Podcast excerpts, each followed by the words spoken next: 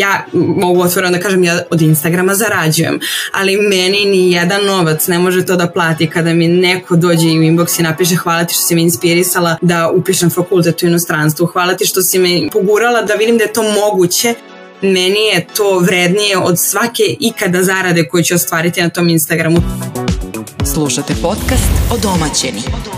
Dobrodošli u Odomaćene, podcast koji vam donosi drugačije priče iz emigracije. Danas pričamo o studijama u inostranstvu. To je jedan vid emigracije o kojem se, čini se, nedovoljno priča na Balkanu. Naša gošća je Lena Stefanović, ona je turistički vodič i travel blogerka koja je do sada bila u više od 40 zemalja, ali ako je pratite na društvenim mrežama, možda je pratite i zbog toga što je prethodne dve godine živela u Veneciji gde je bila na masteru. Takođe razgovaramo i sa Zvijezdanom Crnogorac. Ona je susnivačica Vi Akademike, kompanije specijalizovane za studiranje u inostranstvu. Dakle, ako vas e, zanimaju studije u inostranstvu, koje opcije postoje, kako možete doći do stipendije ili možda razmišljate o promeni karijere, ovo je emisija za vas. Ja sam Jan, ona je Olja i dalje ne sedimo zajedno u studiju. Prošli put je Olja bila bolesna, sad sam ja bolestan. Jesam je stigla u naše krajeve. Karakteristično za nas je da ni jedno ni drugo nismo studirali u inostranstvu. Ali smo završili u inostranstvu. Čudni su putevi. Da li si ikad htela da studiraš u inostranstvu? Ne, ja nikada nisam razmišljala apsolutno niti o studijama u inostranstvu, niti o životu u inostranstvu. To je nešto bilo totalno van moje zone interesovanja i jako sam se divila ljudima koji su se upuštali u tako nešto. Imala sam jednu prijateljicu koja je još u srednjoj školi išla neke razmene. Ja, ja sam uvek zavideo tim ljudima. Jako sam želeo da idem na master u Norvešku. Ali nisam otišao na master u Norvešku i zato sad ovaj razgovor vodimo iz Holandije.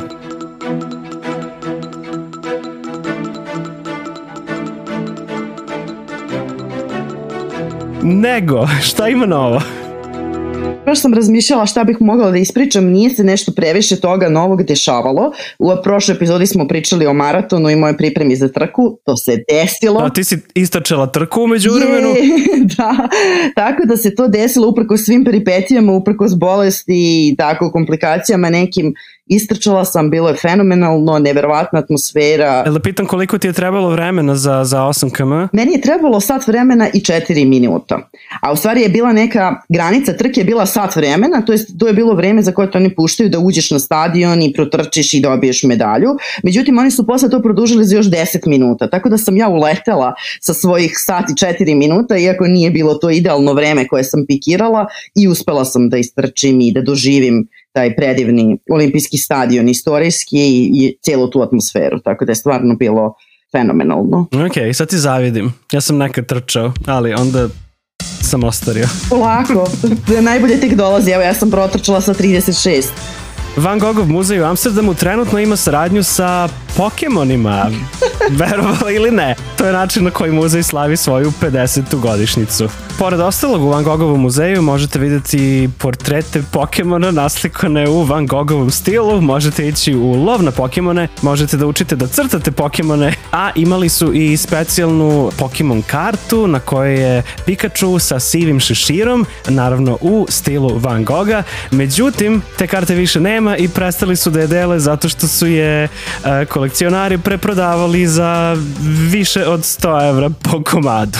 Tako je, bukvalno su se tukli ljudi, imate na internetu da pogledate snimke gde se odrasli ljudi tuku da dođu do Pokemon karti, a deca koja su radila lov na blago ne mogu da dođu do svojih karti od njih. Interesantne stvari se dešavaju u amsterdamskim muzejima. u to ime Rijks ima saradnju sa Disneyem, Tako što je meni malo nepojmljivije od Van Gogha i Pokemona zajedno. O čemu se tu radi? Jako interesantno način na koji holandski muzeji, ne samo amsterdamski, privlače pažnju i na koji uopšte vode svoje društvene mreže, tako da vam od srca preporučujem da pogledate Instagram profile svih tih poznatih muzeja, jer su pre, pre zanimljivi i sadašnja saradnja Rijks muzeja do kraja oktobra je sa Disneyem. Deca mogu da na aplikaciji traže Disneyeve junake, mogu da ubilaze posebnu turu koja je inspirisana Disneyevim junacima i predmetima koji su izloženi u Rijks muzeju i onda deca mogu da ih crtaju i da rade najrazličitije aktivnosti. Čekaj, da li postoje eksponati koji su baš Disneyevi junaci. Dok si pričala ovo, neko sam pomislio, u, zamisli noćnu stražu, ali ako bi svi bili sirene, to bi bilo super. Nažalost ne, to je super ideja, možda da im predložiš tako nešto. Međutim, bilo je recimo interesantnih stvari poput asocijacija na Disneyeve junake i sad recimo iz Lepotice i zveri onaj uh, čuveni Orman koji je ona gospođa pretvorena u Orman, e onda možete da vidite u Rejksu Orman koji je sličan tome i koji liči na taj Orman i onda deca idu u potragu za blagom i kad dođe do tog ormara, onda to mogu da štikliraju, da odgovore na pitanja, oboje ili spoje neke tačkice i ostale zadatke. Tako da je više inspiracija u pitanju, nije toliko da imamo junake. znači Disney u Rajksu je do kraja oktobra, ali tako? Do kraja oktobra. A Pokemoni su do kraja januara, tako da za Pokemone ima još vremena. I dalje su u toku i pripreme za Eastern Neighbors Film Festival, to je festival istočnoevropskog filma koji se svake godine održava u Hagu. Olja je pre nekoliko dana već gledala jedan film, je li tako? Tako je, tako je. Jedan od filmova koji je u stvari otvorio njihovu on tour selekciju, odnosno uh, turneju koja se dešava po različitim gradovima Holandije pre samog festivala u Hagu. Uh, to je bio film Kajmak makedonskog reditelja, dok sledeći film koji će se prikazivati u Amsterdamu biće film Najsrećniji čovek na svetu, te on je Strugar Mitevske i biće prikazan u bioskopu The Bali 3. novembra. Nakon projekcije ovog filma na pitanja publike će odgovarati i rediteljka. Tako da se vidimo tamo. A sada idemo do Eme da čujemo šta se to još dešava dešava u Holandiji u narednih nedelju dve. Pozdrav ljudi! U Eindhovenu je počeo Dutch Design Week, inače najveći dizajnerski događaj u Severnoj Evropi, koji okuplja više od 350.000 gledalaca i 1000 i po dizajnera. Trajaće do 29. oktobra. Program je fantastičan i održat će se na 10 lokacija, a karte su u slobodnoj prodaji. Ove godine se posle tri godine neodržavanja vraća Halloween parada u organizaciji Amsterdamskih mama. 28. oktobra u subotu u Amsterdamu od 2 do 4 posle podne u Martin Luther King parku. Učestvovanje je besplatno, ali je važno da se prijavite preko njihovog sajta i osigurate da vaša deca dobiju slatkiše u toku šetnje. Naravno, maskiranje je obavezno. Pozdrav! Podržite odomaćene na Patreonu, Spotifyu ili putem Paypala. Hvala svima koji nas podržavaju putem Patreona. Dakle, hvala Edni, hvala Sne, hvala Olji, hvala Nikoli. Vaša podrška nam mnogo znači. Rad na ovom podcastu traži dosta vremena i mi želimo da budemo u mogućnosti da se njime bavimo na duže staze. Prijatelj podcasta je agencija Totali. Ako ste preduzetnik ili imate firmu u Holandiji i imate pitanja u vezi sa administracijom i porezima, osiguranjima ili ako vam je potrebno savjetovanje oko preseljenja i neophodne dokumentacije, Totali je tu za vas. Možete ih kontaktirati na info at totali.nl. Totali se piše sa e na kraju, dakle info at totalije.nl. Odomaćeni. Drugačije priče iz emigracije. Vreme je za našu prvu gošću, kao što smo već najavili, to je Alena Stefanović. Ona je turistički vodič, travel blogirka, travel influencerka, za koja je karakteristično što vam ne preporučuje samo preskupe odmore u rezortima, već i pristupačnije načine da doživite nešto novo. Ona je prethodne dve godine živela i studirala u Veneciji. U ovom intervju govorimo o master studijama, stipendijama, tome šta strani univerziteti zapravo traže kada za njih aplicirate i Leninim iskustvima kao osobe koja je do sada putovala na više od 40 destinacija. Ja sam ceo život htela da postanem glumica, tako da sam završila na potpuno nekom drugačijem putu na kom nikada nisam planirala da ću završiti. Ja sam prvobitno studirala češki jezik i to sam upisala čisto da mama i tata budu zadovoljni, da ne bude da ništa nisam upisala, a hoću da upišem glumu da probam ponovo. To se nažalost nije desilo. Ja ostala na češkom jeziku i shvatila da ja nemam pojma kako sam tu završila i šta ja tu radim i da studije za mene nisu samo diploma, već da želim da steknem obrazovanje u nečemu što me zaista zanima i da je po meni bolje čak i da ne završim fakultet, nego da se obrazujem bez smisla, čisto da bi se ja pohvalila nekome da imam diplomu, da bi mama i tata to okačili na zid itd. I onda sam malo istraživala ovaj, svoje interesovanja i shvatila sam koliko sam zaljubljena u svet putovanja i da bih voljela da moju profesiju okrenem u tom pravcu. I tako je sve počelo sa studijama turizma, 2016. godine. Već naredne godine sam dobila svoj prvi posao u turizmu kao turistički vodič i sada sam se malo kroz vreme orijentisala ka marketingu, pa su moje studije u Veneciji, u Italiji, upravo iz oblasti marketinga i inovacije. Koliko si puta izlazila na prijemni za glumu? Dva puta samo. Obzirom da znam društvo koje je išlo sa mnom u školu glume, koji su izlazili po 5-6 puta, ja sam shvatila da posle drugog puta da je to to. Ja nisam neko ko generalno odustaje, ali sam nekako prozrela tada da to možda nije za mene i danas se ne kajem zbog toga, jer nažalost mislim da svi znamo u kakvom financijskom stanju žive glumci u Srbiji. Da li misliš da ovaj većina tvog društva isto tako upisuje fakultete ili više škole ili šta god se obrazuje zato što se to prosto od nas očekuje ili sve više mladih, jel te ajde pričamo o Srbiji, prati neki svoj put i san i ima više samopouzdanja jer ja pričam i o sebi u ovom slučaju gde sam ono studirala, završila nešto totalno drugo, jako me to tada interesovalo i prosto time se ne bavim. I prešla sam na, na nešto skroz deseto. I uvek sam nailazila na, na, ne na osude, ali sam bila eto neko ko, ko nije pratio neki put i o tome se pričalo, eto, samo zato što to nije nešto što je očekivano. Čekaj, ti si završila produkciju. Da. Pa dobro, evo sad imamo podcast, šta nije Da. bilo uzalo? Eto da eto je u strucije. Ali generalno mislim da kod nas, bar sam se ja susretala na turizmu, gde sam ja došla prepuna ljubavi za to sa kolegama koji su tu samo da bi dobili diplomu. I onda meni to okruženje nije bilo, mislim ja sam imala svoj unutrašnji podsticaj, ali s polja sam imala jako malo podsticaja od okruženja na fakultetu, što je jako loše. Međutim, ja sam napravila dobru odluku i okružila sam se devojkama koje su bile jako ambiciozne i željne da rade na svojim studijama, da se obrazuju, da imaju dobre ocene, budu dobri studenti. Međutim, ono što sam ja bar videla na visokoj turističkoj školi jesu kolege koje su upisale tu da budu čisto radi diplome i meni to tada u tom momentu nije bilo jasno pa kao šta radite vi ovde ako ne volite turizam. To je jedna od najlepših, da kažem, društvenih oblasti koje može da se izučava. I redka oblast u kojoj možeš i da imaš i praksu. Da, da, da, ima mnogo sjajnih šansi, mislim, prvenstveno je visoka turistička škola, nije nikakva ni reklama za njih državna sustanova, ali toliko je bilo prilika za volontiranje, za prakse, svako ko je hteo je mogo da napuni pet stranica CV-a za tri godine studija, što je stvarno redko u Srbiji, nažalost, pogotovo na državnim fakultetima, privatni možda imaju i ugovore sa privatnim kompanijama itd., dešava se i na državnim, neću da kažem, ali prosto u turizmu stvarno ima mnogo šansi ko hoće da iskoristi i po meni na kraju nije zapošljiv samo onaj ko se nije trudio ko je očekivao da će ocene da mu na kraju pruže posao. To je najpogrešnije uverenje naši studenti koji imaju, da diploma tebi obezbeđuje posao. To nije tako. Ti moraš sa strane da se trudiš, moraš da volontiraš, moraš da se krećeš među ljudima. Ti kontakti su najveće zlato.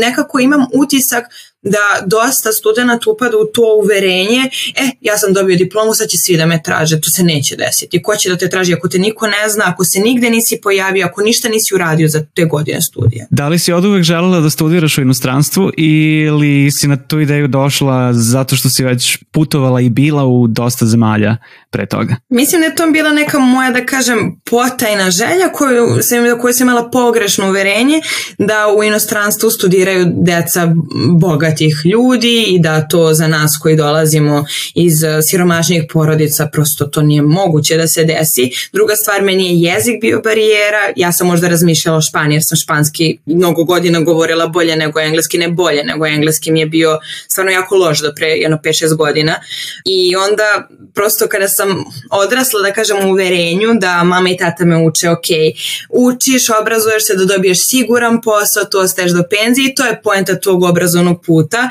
Međutim, hvala Bogu, meni su se otvorile neki uvidi da može i drugačije, može i više i da ne određujete to iz kakve situa financijske situacije potičeš, to je ostatak života. I mislim da se mnogi mladi pomere sa sudbinom jer su videli odakle dolaze i misle da je to najbolje što mogu jer nisu videli na primjeru svog, svojih roditelja, svog okruženja da može bolje, Međutim, uvek sa trudom, radom, ulaganjem u sebe, svoje obrazovanje, uvek može bolje od onog što, iz čega smo potekli. A, Da se razumemo, ja preko generacije moj baka i deka dolazim iz siromašnih seljačkih porodica. Meni su svi sa sela kad pogledam tu drugu generaciju za mene.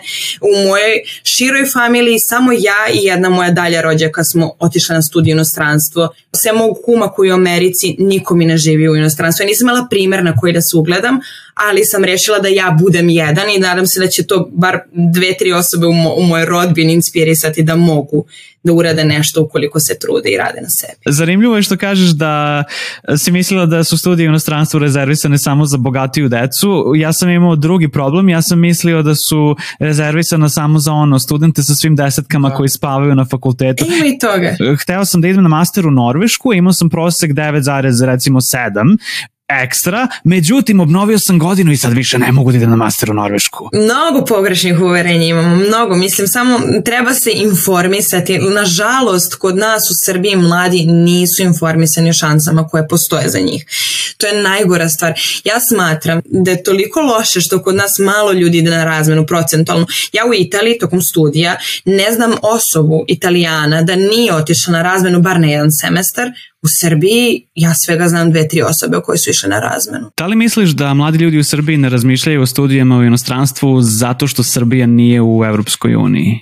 Jer nekako kad živiš u EU imaš tu neku ideju mobilnosti, kad živiš u Srbiji nekako, bar moj mozak kao osobe rođene 80-ih i dalje u sankcijama, trebaju mi vize, ovo je teško, iako kao živim u Holandiji već e, previše Sve godine. Da, ali mislim da ne, ne mora da znači da je to ograničenje, teže jeste, verovatno su, mislim u stvari da nisu ni svesni šta ih čeka kada odu na fakultet u Europsku uniju, jer tu je mnogo papirologije, mnogo birokratije.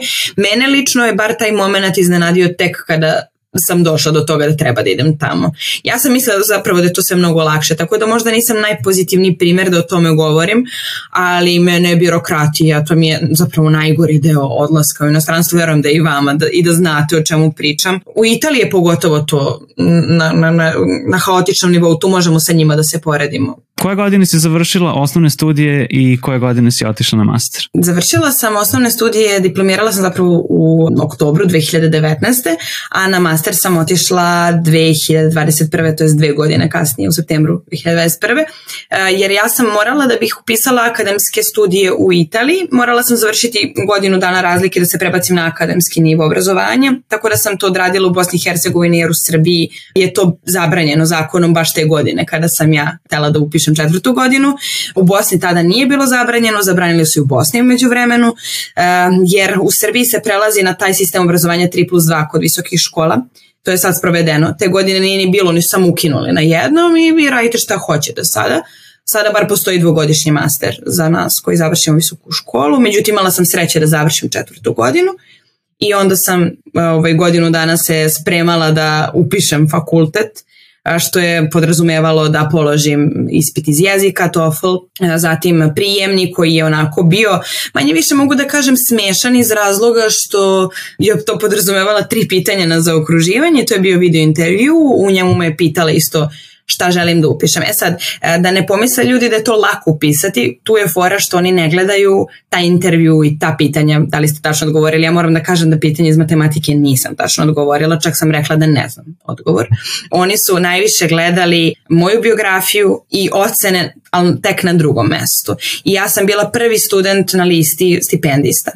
Tako da nema veze što ja to pitanje iz matematike nisam znala, njima je bila bitnija moja biografija, moje ocene, moja dostignuća, jer e, koliko sam ja razumela, fakulteti u Italiji barem imaju to da žele što bolje kandidate za svoj fakultet, jer to podrazumeva da će jednog dana to biti uspešni ljudi, a uspešni ljudi su reklama za njihov fakultet. I ako kažu, ok, recimo vidi sada ova Ema, ona je završila kod nas fakultet, ona je ultra uspešna, daj da pošalja moje dete, možda je taj fakultet Emu osposobio da bude bude sposobno za rad i za uspeh i tako dalje. Tako da to je italijanima filozofija koja se meni jako dopada. Kako si završila u Italiji i zašto baš Italija? Da li si birala fakultet ili zemlju? Fakultet je izabrao mene zapravo. Ja sam uh, turistički vodič takođe i uh, 2020. mi je počela sjajno, to su bila neka sjajna putovanja u dale, na daleke destinacije Indonezija, Brazil, Tajland, Kambođa, Vijetnam itd i u Kambođi me sačekao COVID, zatvaranje sveta, ja sam na jednom ostala bez posla, ja nisam znala šta ću da radim svojim životom, kako sam neko ko konstantno mi se nešto dešava i volim da sam aktivna ja sam shvatila da, ok, šta sad? I onda sam osvestila tokom tog vremena kada nisam imala ni posla, ni šta drugo da radim, da zapravo ne sve da zapostavimo što je meni lično jako važno, to je obrazovanje. Tako da sam rešila da počnem da se raspitam kako mogu da dođem do obrazovanja u inostranstvu. Moja prva ideja je bila Španija, jer govorim španski jezik, međutim Španija je jako loša sa stipendijama. Meni odlazak u inostranstvo bez stipendije nije bio opcija nikako. Tako da sam uz pomoć agencije koja se upravo bavi pomaganjem mladima da odu na obrazovanje u inostranstvo, ovaj, odradila profesionalnu orijentaciju i oni su meni preporučili otprilike desetak fakulteta koji su u skladu sa tim što ja želim. Ja sam taj izbor suzila na četiri fakulteta na koje sam i aplicirala. Na sve sam bila primljena, ali samo na mom fakultetu sam dobila stipendiju. Italija je bila izbor, mislim, meni je Italija od uvek bila lepa zemlja, zanimljiva, privlačna, ali nikada ja to sad nisam doživljavala nju kao neku zemlju koju ću ja da namenski odem. Međutim, Italija je raj za stipendije i zato je Italija zapravo na kraju ispala moj izbor jer sam dobila u tom trenutku stipendiju fakulteta od 5000 i nešto evra, oslobađanje od školarine. To jeste pokrilo dosta mojih troškova, ali je bilo još dosta toga da se pokrije. Međutim, kad se to izračuna ono kao koliko sam potrošila na godišnjem nivou, pa na mesečnom kad se prepolovi, to je onako zanemarljivo u Srbiji neko koje lupam iz Renjanina da dođe u Beograd bi potrošio više više. Agencija u kojoj si otišla je Vi Akademika, ali tako? Jeste, jeste, tako je. Sa njima pričamo na kraju ove emisije, tako da bit će još ovaj praktičnih e, informacija. Aplicirala si na četiri mesta, dobila si stipendiju na jednom, to je zapravo dosta dobra prolaznost. Koliko je zapravo lako ili teško dobiti stipendiju u inostranstvu? Pa zapravo ja sam dobila ne stipendiju, ali kao oslobađanje od školarine na dva fakulteta, na trećem fakultetu koji je zapravo, nije ni fakultet, oni imaju kao neki objedinjeni program. Prvi semestar je u Danskoj, drugi semestar je u Španiji, treći semestar je u Sloveniji i četvrti pišeš master tezu. Meni je taj master bio naj najprivlačniji od svih i oni su generalno dodeljivali 20 stipendija godišnje. Međutim, to je bila COVID godina i te godine su dodelili samo dve stipendije, a ja sam bila na 12. mestu. I ta stipendija je nažalost propala jer to je stvarno bilo od ta četiri, ja sam taj najviše žela da upišem, a zapravo moj fakultet ka Foskari mi je dao tu stipendiju koja je meni značila, koja je značila pokrivanje troškova života tamo, što je meni bilo broj jedan za odabir tamo. E sad, što se tiče toga da li je teško, da li je lako, um, ono što si rekao da mora da imaju sve desetke kandidati koji apliciraju za fakultet u inostranstvo, to nije tačno. Imala sam, prosto, mislim nije tačno bar iz mog iskustva da kažem, jer moje kolege sa fakulteta koje su dobile takođe stipendiju koju sam ja dobila, recimo drugarica iz Turske, ona nije bila neki savršen student, ali je imala razmenu, išla je na Erasmus u Prag, e, dosta je išla na prakse, bila je jako aktivna i to fakultetu se svidelo, prepoznali su i dobila istu stipendiju kao ja koja sam bila 10-0. Dakle, za razliku od domaćih fakulteta, strani fakulteti značaj pridaju i tvom CV-u zapravo. Apsolutno. Tvoj ličnosti i zalaganju, da. I to i motivacijono pismo je jako važno. Nekako meni se to mnogo sviđa. Ja jesam bila 10-0, ja bih na konto mog uspeha dobila tu stipendiju, nije problem,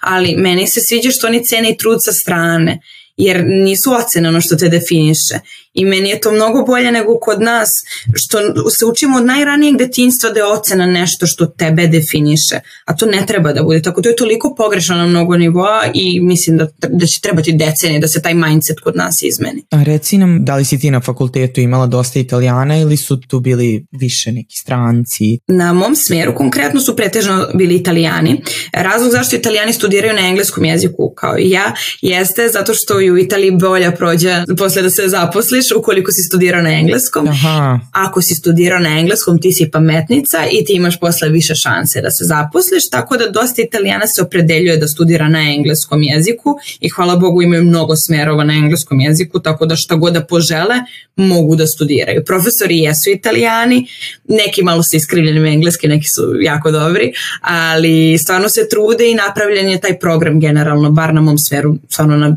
visokom nivou. I koliko košta godina na tvom smeru, na tvom, mislim ako je sam plaća? Ne znam koliko je za EU studente, ali studenti izvan Evropske unije i 1200 evra ako plaćaš. Mnogo manje nego neki naši srpski, ovaj, anonimni, otvoreni preko noći. Apsolutno. Kako izgleda nastava? Da li možeš da uporediš sa recimo time kako izgleda nastava u Srbiji? Ja bi poradila samo na osnovu svog iskustva zato što verujem da možda ima i bolje od onog što sam ja imala u Srbiji ili što su moji prijatelji doživeli, ali ono što se meni mnogo dopalo u Italiji jeste to što smo pri svakom predmetu imali projektni rad. Šta je značio projektni rad? To znači da se grupa napravi ili po izboru profesora ili se mi međusobno dogovorimo, nas troje, četvoro, petoro, šestoro i radimo na konkretnom projektu koji je vezan za taj predmet. Evo recimo primer, imali smo predmet brand management, došao nam je čovek koji stvarno otvara svoju kompaniju koja se bavi proizvodnjom gotovih salata i mi smo dobili zadatak od profesora, svaka grupa, da odradi kompletan branding kompanije, što je podrazumevalo da odradimo logo, da odradimo njihov slogan, e, šta će biti njihove poruke, koje će biti boje njihove kompanije, kako će da se predstavljaju na društvenim mrežama. Mi smo radili stvarno kao da je to posao i mi smo na tom projektu preko mesec dana radili i na kraju je došao taj čovek koji čija kompanija i mi smo mu svi prezentovali naše ideje I to je izgledalo, i profesor nam je rekao, zamislite kao da ste dobili poslovnog partnera, potencijalnog klijenta, vi njemu predstavljate svoje ideje i to je meni sjajna priprema za pravi svet. Jer ti jednog dana trebaš klijentu da prezentuješ svoju ideju, da prodaš svoj proizvod, da prodaš svoju ideju. Mi smo o tome učeni na samom fakultetu, što je meni fantastično. Iako smo se mi igrali, iako to nije bilo stvarno, to je odlična vežba za ono što nas čeka posle.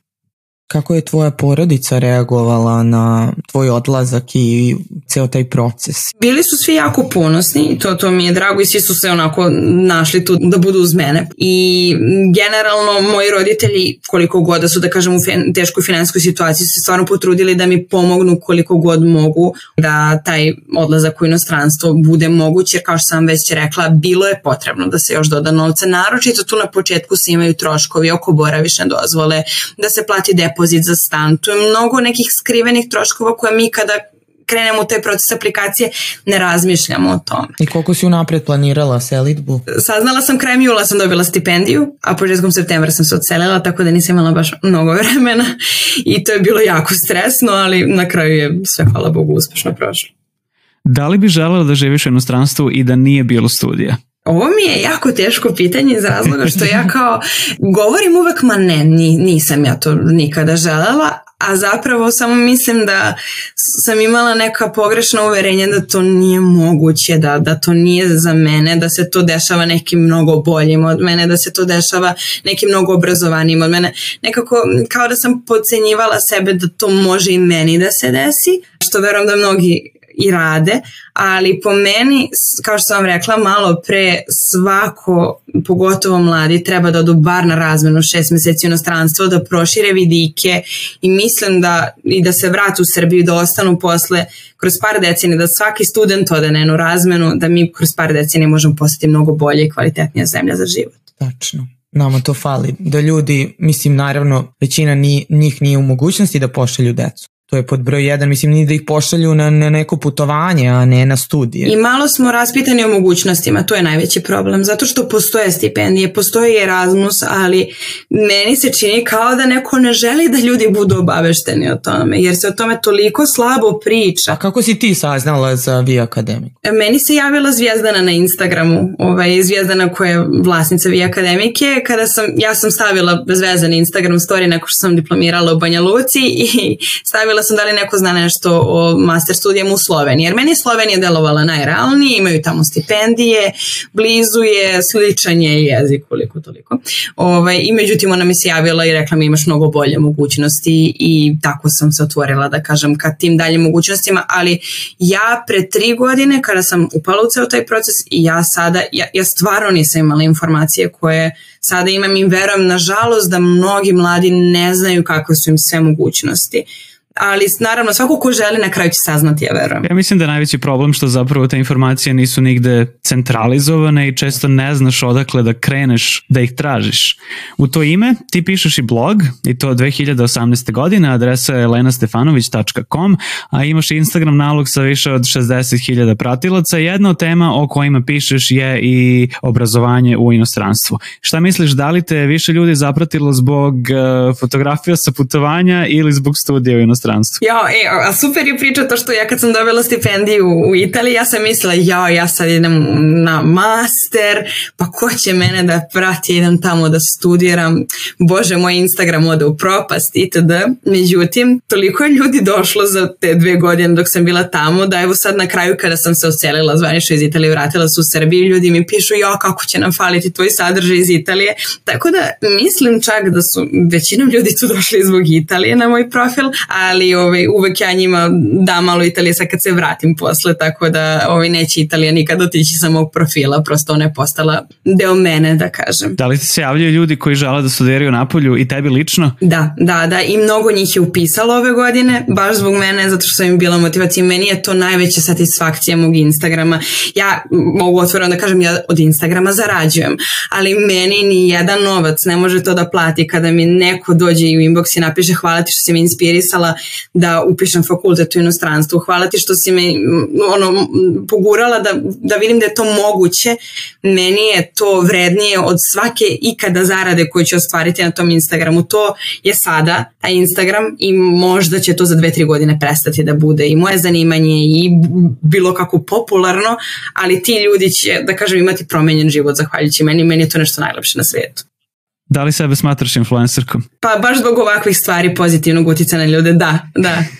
ja, ja, moram da, ja moram da kažem ovaj, da je za mene Lena pravi primer influencera, mladog, uspešnog, pametnog i sve naj naj i da je ona jedan od mojih najomiljenih profila. Mislim, imam ih jako malo. ok, koji ti je Instagram handle, gde možemo da te nađemo? Uh, Lena Stef, Lena sa dva A, nažalost, pošto Lena sa, Stef sa jednima je zauzela svoje ime 2015 i više nikad ništa nije objavila na Instagramu. znači, Lena A. Stef. Ja imam utisak da je Srbija u poslednjih nekoliko godina dobila dosta travel blogera i travel influencera. Šta je ono što tebe čini različitom? Ok, studiju u inostranstvu, apsolutno, ali šta je ono zbog čega misliš da ljudi dolaze na tvoj profil? Ja mislim da ljudi vole kada je nešto autentično, ali ne autentično u smislu ti si poseban, jedinstven, kreativan, nego kad nešto radiš iz srca. Ja, ja moj Instagram vodim iz srca. Ja sam moj Instagram otvorila jer ja volim da se fotografišem, ja volim da snimam, ja volim da pišem, ja volim da pričam kao što se vidi u ovom podcastu. Moj Instagram je sve što sam ja, a ja mislim da ljudi vole kada nešto radiš stvarno jer, jer si ti ti.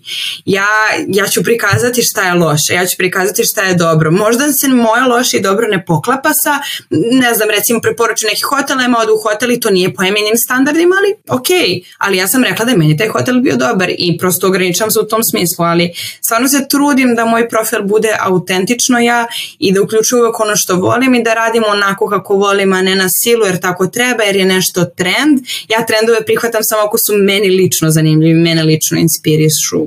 Ne bih radila neki trend prosto čisto jer eto kao to sad treba. Za mene je Lena redko dion primer mladog travel influencera koji zaista pokazuje kako može da se putuje na pristupačan način. Ona se potrudi da izdvoji sve najbitnije i pokaže mladima da im ne trebaju neke hiljade evra da bi otišli ovaj, na neku lepu ili čak i egzotičnu destinaciju. Ali uvek postoje načine, prosto mislim može se putovati i sa dubljim džepom i pristupačnije. Samo uvek ono to ono što smo rekli, moramo da nađemo načina. Baš sam nedavno razmišljala, ovaj, bila sam na Malti do prekjuče i bila sam u hostelu, smo u krevetnoj sobi.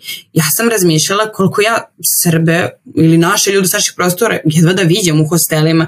Ja ne znam ko je nas ubedio da su hosteli za, da, da se izrazim ružno, ali kao za sirotinju ili šta već. Ne, to su za ljude koji žele da putuju, gde ti nije poenta sada da sediš ti u tom smeštaju. Ja volim da je lep smeštaj, da se razumemo, ali nemam problem ni s tim da je osmokrevetna soba s jednim kupatilom, da su tu neki nepoznati ljudi. Ja sam tu zbog putovanja, ne da bih sedela u toj sobi. Mislim, pazi, ja sam u, u, svoje vreme ovaj, nisam ni odsedao u hostelima, nego sam couch surfovao, tako da... Eto, i to je opcija, ali u kojem ljudi ne žele ili ne prihvataju ili su previše zatvoreni, ali nadam se da ćemo mi, da kažem travel blogeri, pošto ima nas koji stvarno radimo u tom pravcu dosta, pokazati da može sve, da, da nije ništa, ništa nije ni bauk i da stvarno malo treba da iskoračimo svoje zone komfora i da će nam biti i super i vanje. To je ona naša stara ili idem ko čovek ili ko car ili ne idem uopšte.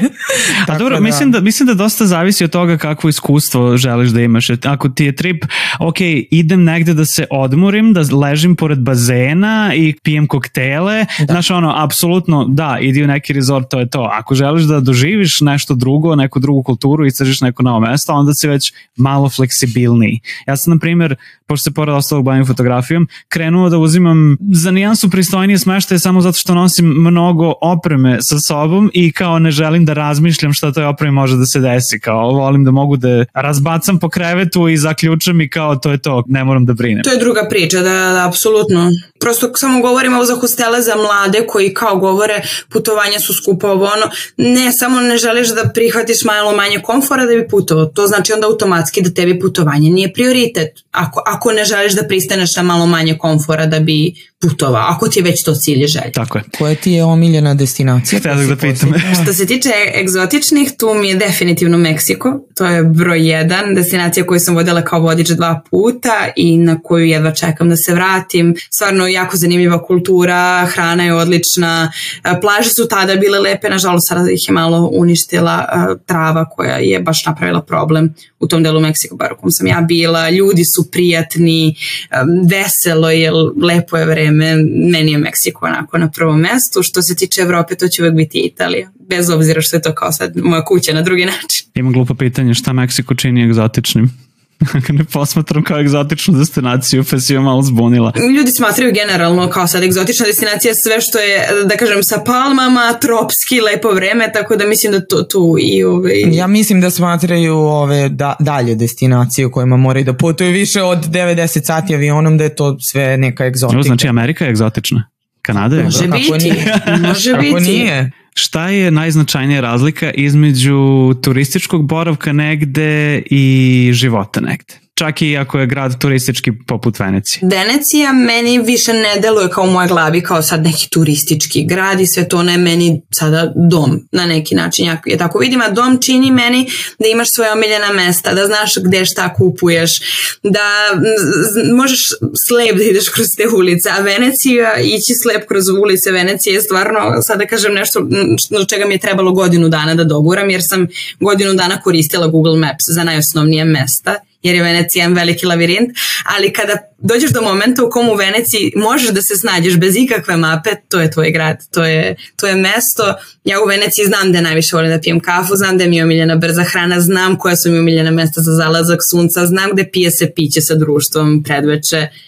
To meni čini dom jer imaš već neke svoje navike i rituale. U to ime, kad smo kod rituala, šta ti je potrebno da bi se negde osetila odomaćeno? E pa upravo to, da znam gde ću da idem, šta ću da radim, da ne trebam da koristim više Google, jer ideš tamo gde ti prija i negde je popularno i šta treba videti, već ideš tamo gde se osjećaš lokalnije, da kažem, u Veneciji sam pronašla toliko takvih mesta, mada mislim da sam malo napravila problem jer sam ih preporučila na Instagramu, tako da će biti dosta Srba. O ne, i to više neće biti samo venecijanska mesta, već malo i naša. To zvuči kao da ti, da bi se negde osetilo domaćeno, samo treba da provedeš dovoljno vremena na tom mestu da otkriješ sve te stvari. Da li imaš neki savjet kako ubrzati taj proces? Najbolje bi bilo upoznati se sa lokalcima, jer od lokalaca saznamo najviše. E, na Malti, iskreno, meni su rekli, sad sam bila na Malti, pa sad ću to uzeti za primer, rekli su mi Malta ti je turistička zemlja,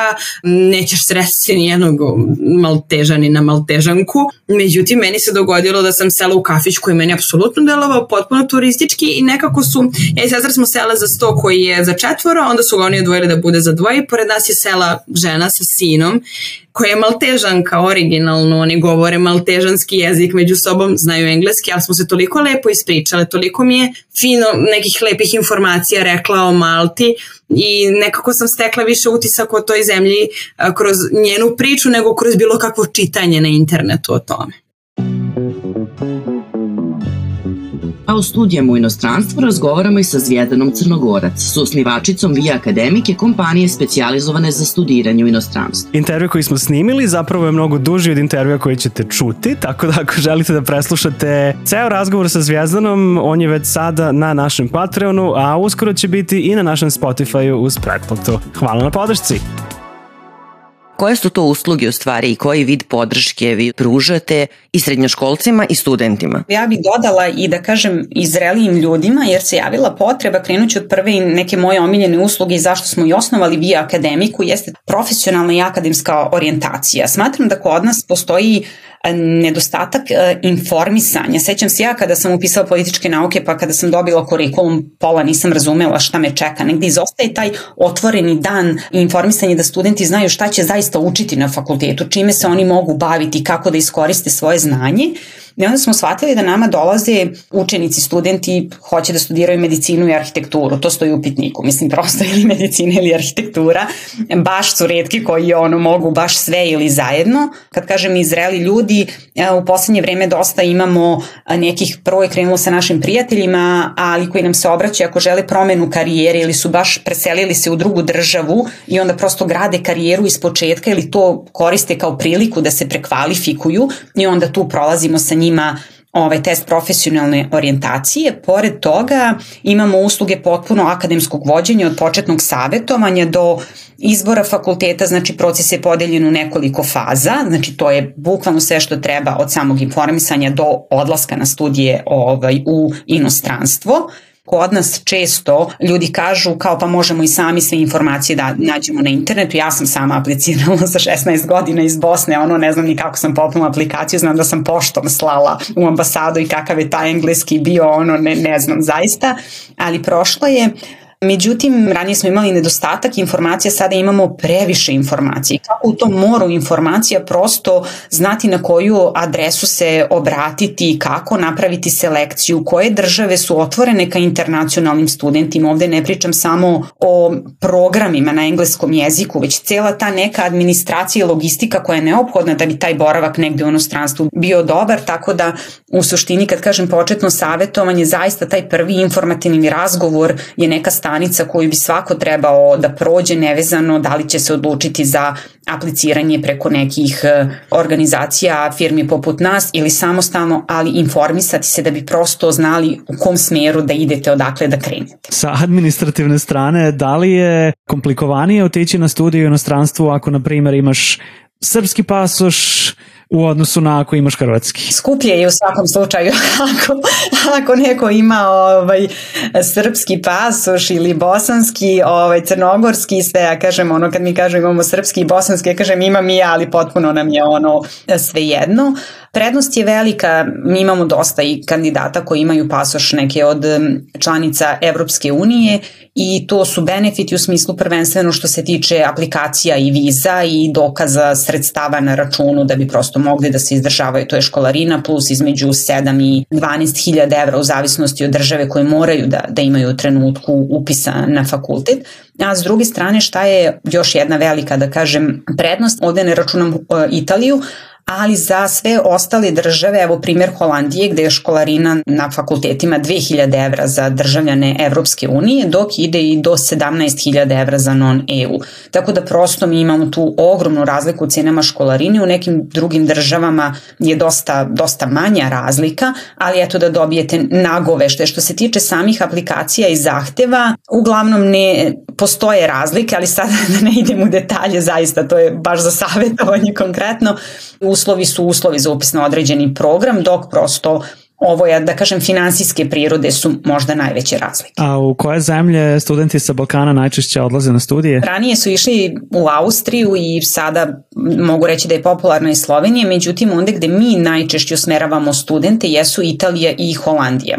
Holandija je, da kažem, moja omiljena destinacija što se tiče obrazovanja, mislim da Olivera može ovaj, svog iskustva ovaj, da kaže čak i u ovaj, ranom uzrastu deci, mislim da oni imaju zaista fenomenalno obrazovanje, jedno od najboljih u Evropi, možda, možda i u svetu, ali ajde da, da se ograničim na, na ovu teritoriju koju, koju bolje poznajem. I prosto su prilagođeni internacionalnim studentima, imaju najveći broj programa na, na engleskom jeziku, a z, zatim je tu Italija, oni imaju takođe ogroman broj programa na engleskom jeziku, od medicine do ne znam, mislim skoro, skoro sve na nivou osnovnih i master studija, dok recimo Nemačka i dalje dosta programa osnovnih studija drži isključivo na nemačkom. Španija e, takođe. Tako da kada svedemo sve, znači nama studenti dolaze sa idejama o raznim državama i slično, međutim kada se uzme kvalitet e, života prilagodljivo studenta, naravno nije isto studirati u Italiji i Holandiji, tako da mi zaista i tu vodimo ozbiljne razgovore sa studentima da ih uputimo, jer ako neko dođe u Twente da studira, mislim, ili će Milano, to mislim, ako mene neko pita, tu nema uopšte nije izbor, nego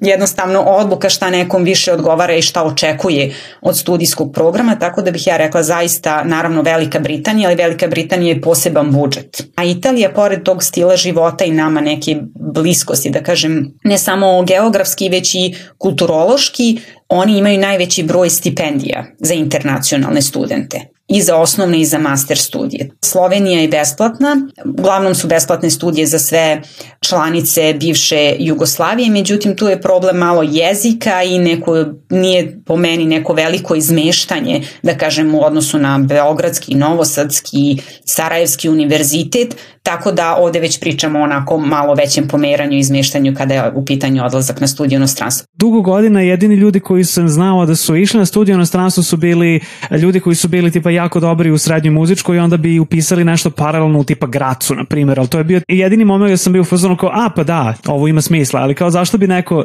trebalo da studira u inostranstvu? Sada se to dosta, dosta menja. Zaista akademska mobilnost je jedna velika škola. Ja kažem studentima, kad mi neko kaže pa dobro, kao mogu ja to i u Srbiji da studiram i u Bosni, naravno, ja sam tu studirala, nikakav problem. Ali je bitno otići, ne mora biti čak ni celi studijski program, razmena ili i kraći program, ali da mi ne pričamo tu o putovanjima sa porodicom, sa prijateljima, mi pričamo o potpunom izmeštanju na jednom višem nivou gde se bavimo određenim te, temama, stupamo u kontakt sa našim vršnjacima, ali vršnjacima koji su takođe motivisani i bili voljni da se izmeste, da, da nešto više iskuse, što znači taj sam kolektiv u kom se nađemo je onako stepenica nekog napretka Ovaj, tako da mislim da je to možda čak i podjednako važno kao i sam studijski program.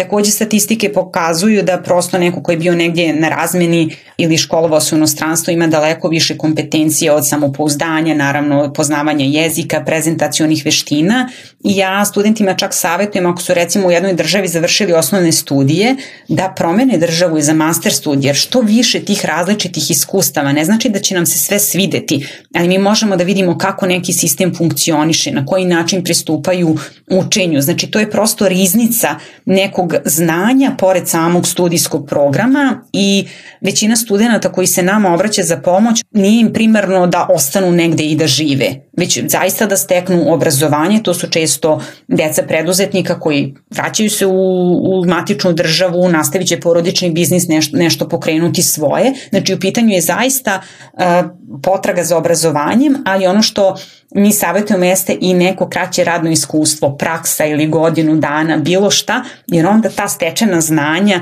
toliko koriste kad možemo da uporedimo, da vidimo da li je to zaista nešto, nešto ovaj, dobro za njih dugoročno, da li će negdje ostajati, ali kada se vrati mislim da su dosta konkurentniji na tržištu rada. Znači mi ne pričamo o odlivu mozgova i to je vrlo važno da se razgraniči, već o akademskoj mobilnosti suštini svi ti faktori koji nisu isključivo akademski faktori, šta na kraju nekako odnese prevagu u odlukama i studenta i roditelja? Financije su, da kažem, najbitniji aspekt i ako neko dolazi i kaže ide isključivo na stipendiju, to su, da kažem, za nas najizazovniji klijenti, zato što prosto smo ograničeni mogućnostima. Puna stipendija, šta podrazumeva puna stipendija? To je zaista redko, zato što mi imamo taj da kažem još uvek mentalitet sada se menja da je obrazovanje besplatno. Sve košta. Znači mi moramo u sebe da uložimo. Ja smatram da tu i, i ljudi kod nas dosta greše kada stagniraju na određenom poslu i sve. Mi ne satamo da mi moramo da uložimo u sebe da bismo mogli da napredujemo, više da zarađujemo i imamo. I to važi i za obrazovanje